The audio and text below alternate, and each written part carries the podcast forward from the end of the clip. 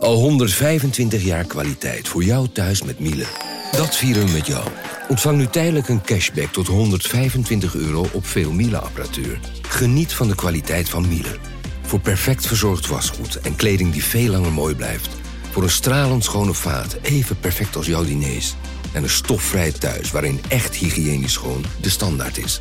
Check miele.nl voor alle feestelijke aanbiedingen. Ik ben al jaren ondernemer, maar waar moet ik eigenlijk allemaal aan denken nu ik voor het eerst personeel wil aannemen, voor het eerst ga importeren of voor het eerst een bedrijfslocatie zoek? Weet wat je wel of niet moet doen bij zaken die je voor het eerst oppakt. Check kvk.nl voor praktische stappenplannen. KVK, hou vast voor ondernemers. NRC Vandaag is genomineerd voor de Dutch Podcast Awards in de categorie Beste Dagelijkse Podcast. Er is een juryprijs en een publieksprijs. En daarvoor kun je op ons stemmen via podcastawards.nl/slash stemmen. Dank je wel.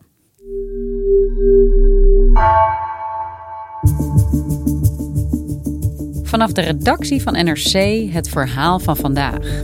Mijn naam is Floor Boon.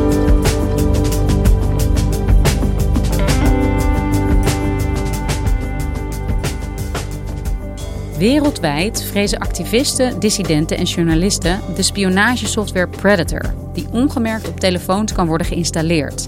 Deze software wordt in Europa gemaakt, maar mag niet zomaar worden verkocht aan autoritaire regimes. Toch gebeurt dat, vertelt redacteur Wilmer Hek. Samen met Marloes de Koning zocht hij uit hoe dat kan en welke belangen Europese landen hier zelf bij hebben.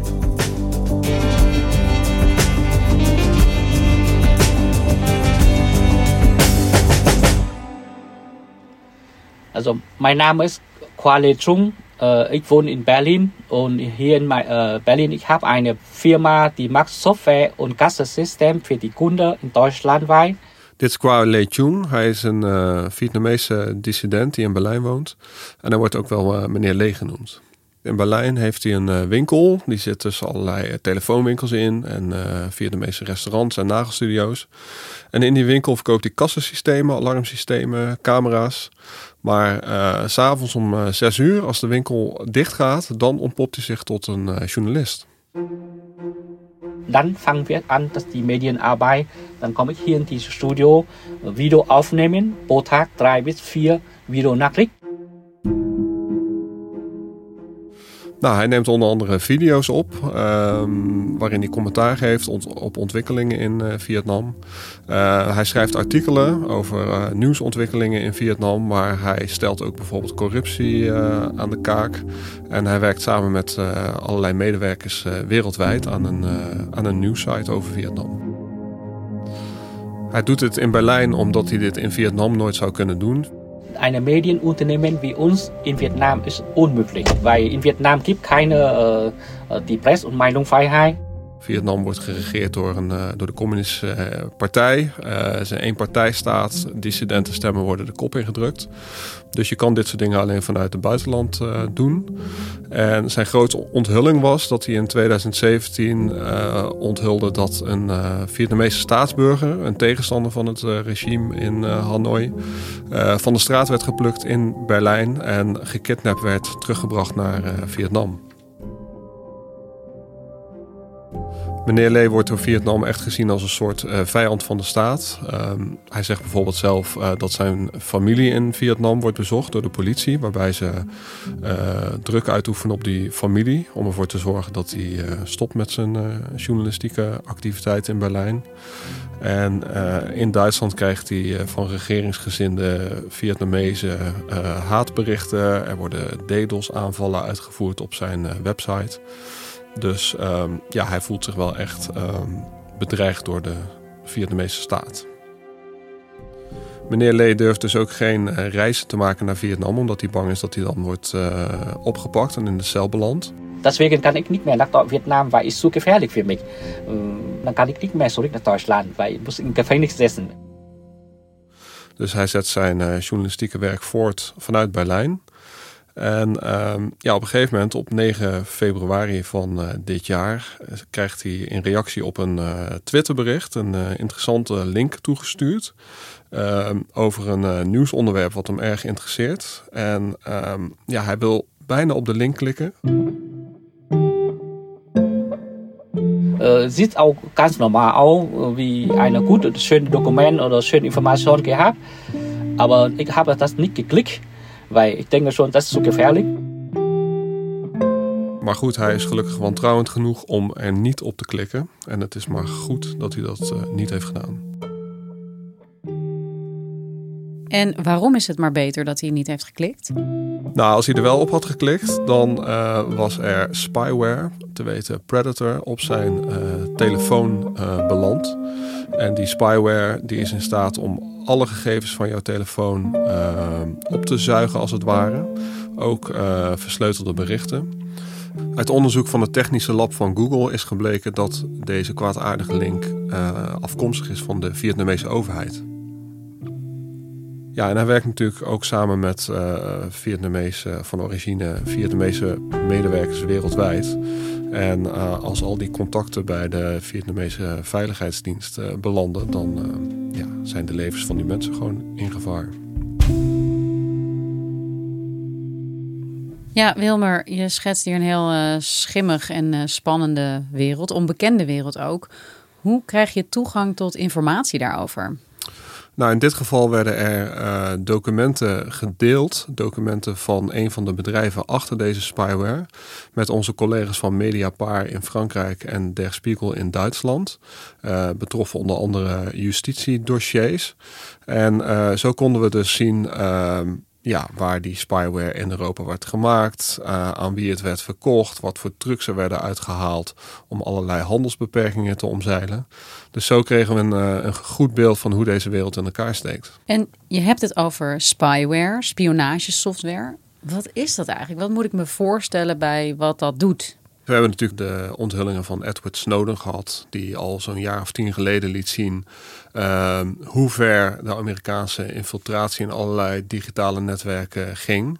En juist in reactie daarop hebben bedrijven als uh, die achter WhatsApp zitten en andere communicatiekanalen besloten om uh, die communicatie te versleutelen. Waardoor het voor allerlei uh, landen en hackers moeilijker werd om mee te lezen met communicatie.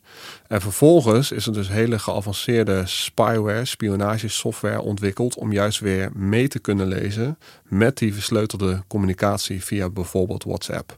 Nou, en als dit soort uh, spyware op jouw telefoon belandt, dan betekent dat eigenlijk dat alles op die telefoon in handen komt van degene die die software uh, bestuurt.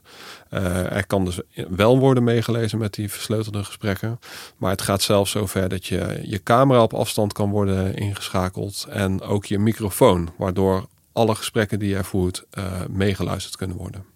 Ja, en het klinkt echt doodeng, eerlijk gezegd, hè? dat dat op je mobieltje kan worden geïnstalleerd. Hoe komt het daar terecht? Nou, er zijn verschillende manieren voor. Eentje is dus uh, het versturen van een linkje naar jou, bijvoorbeeld uh, via WhatsApp, naar bijvoorbeeld een interessant nieuwsbericht.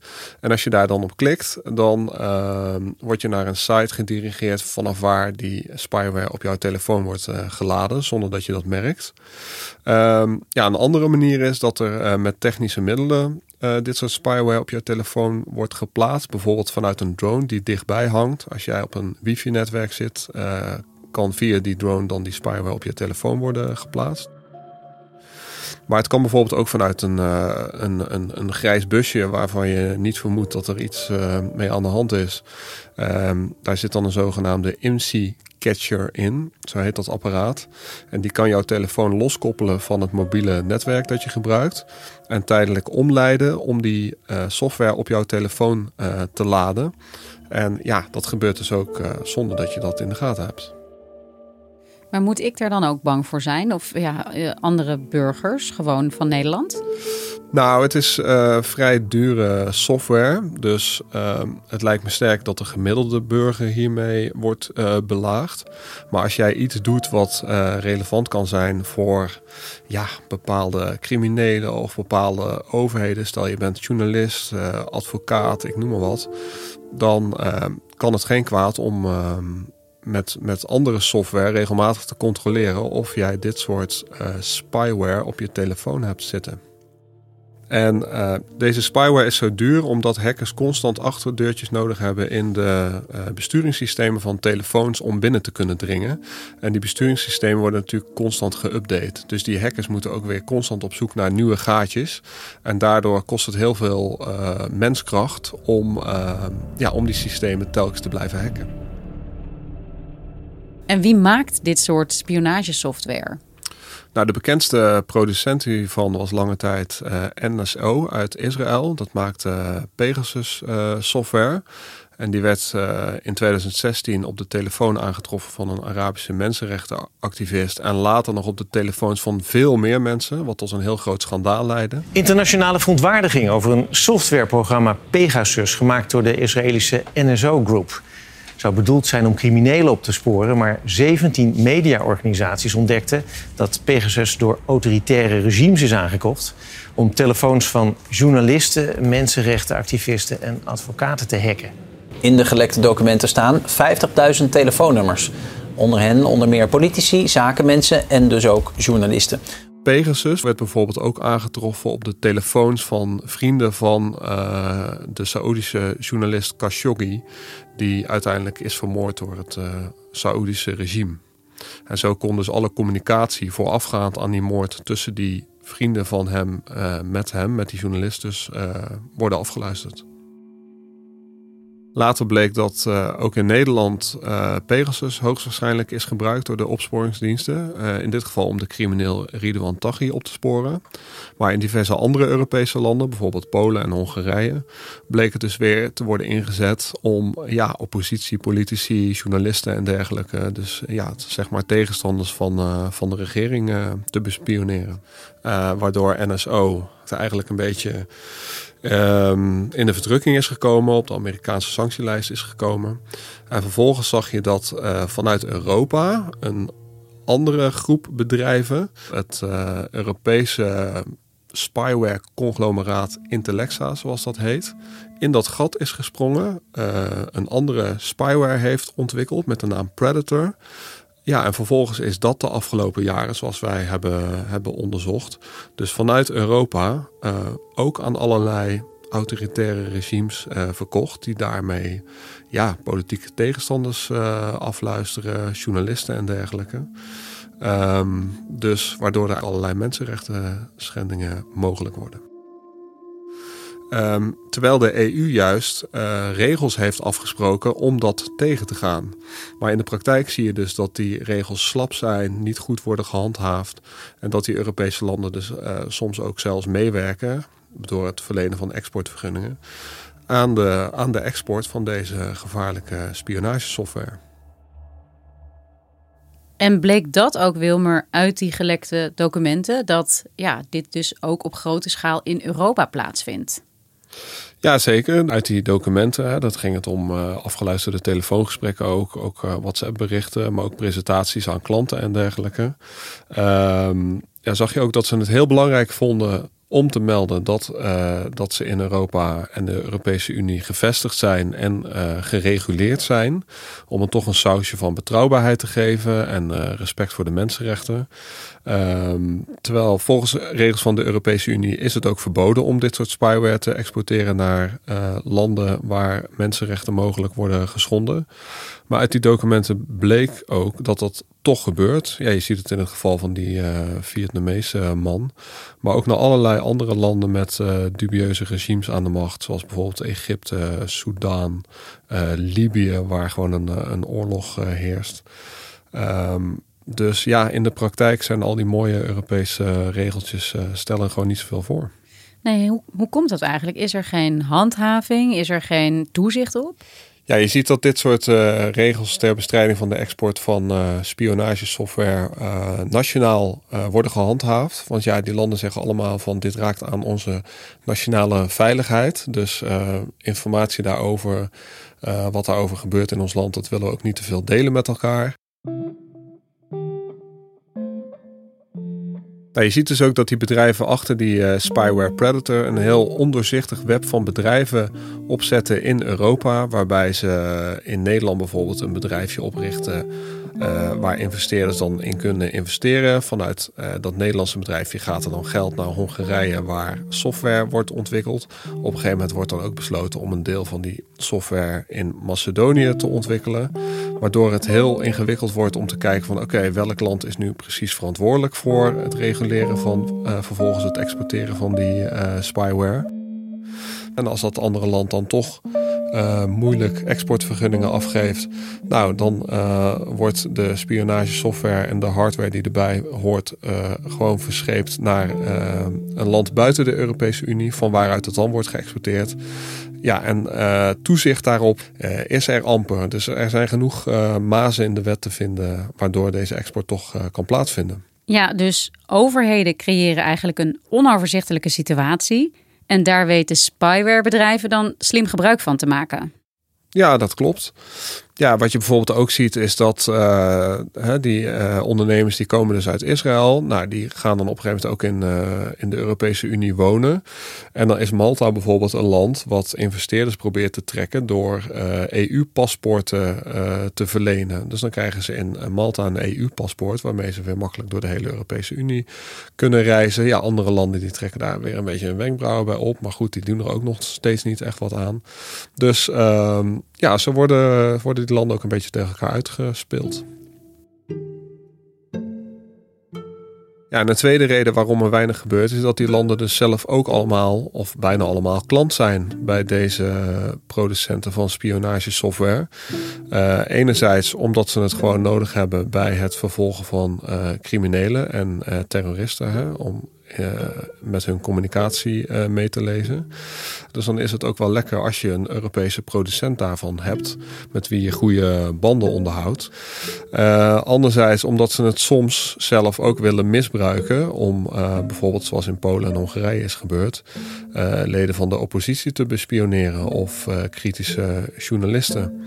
Dus dat zijn allemaal redenen waarom deze uh, industrie van spionagesoftware met uh, zijde handschoenen wordt, uh, wordt aangepakt.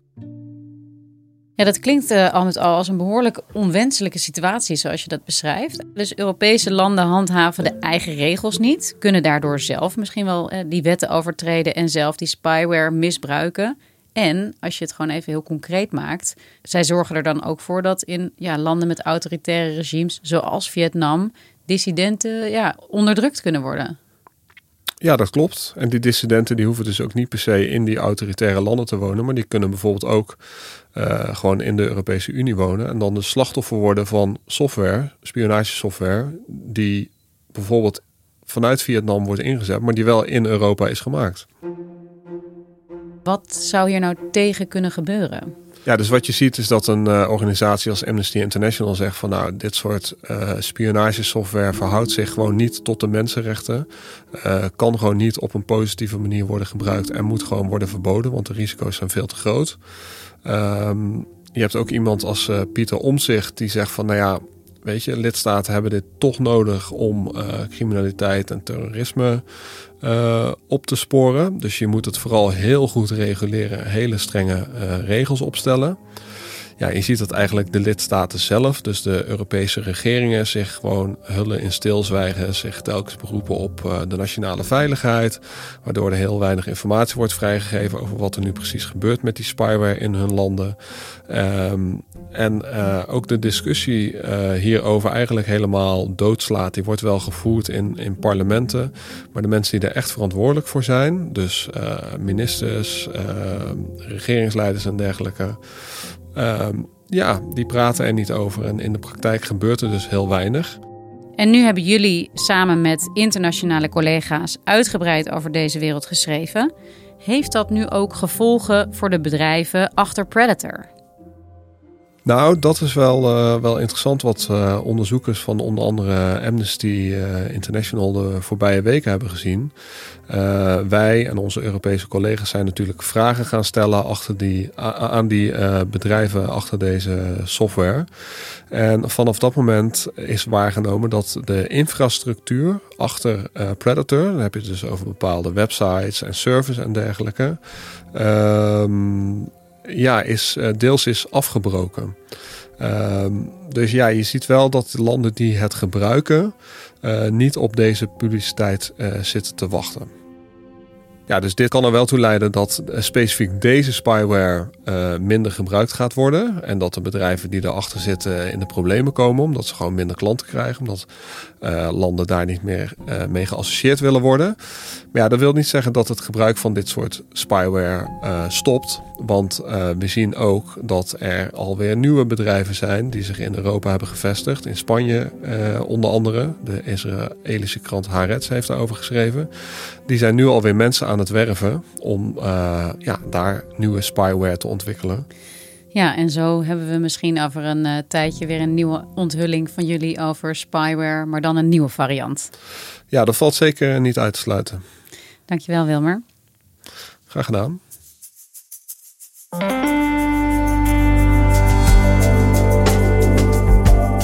Deze aflevering werd gemaakt door Igna Schoot en Stef Visjager.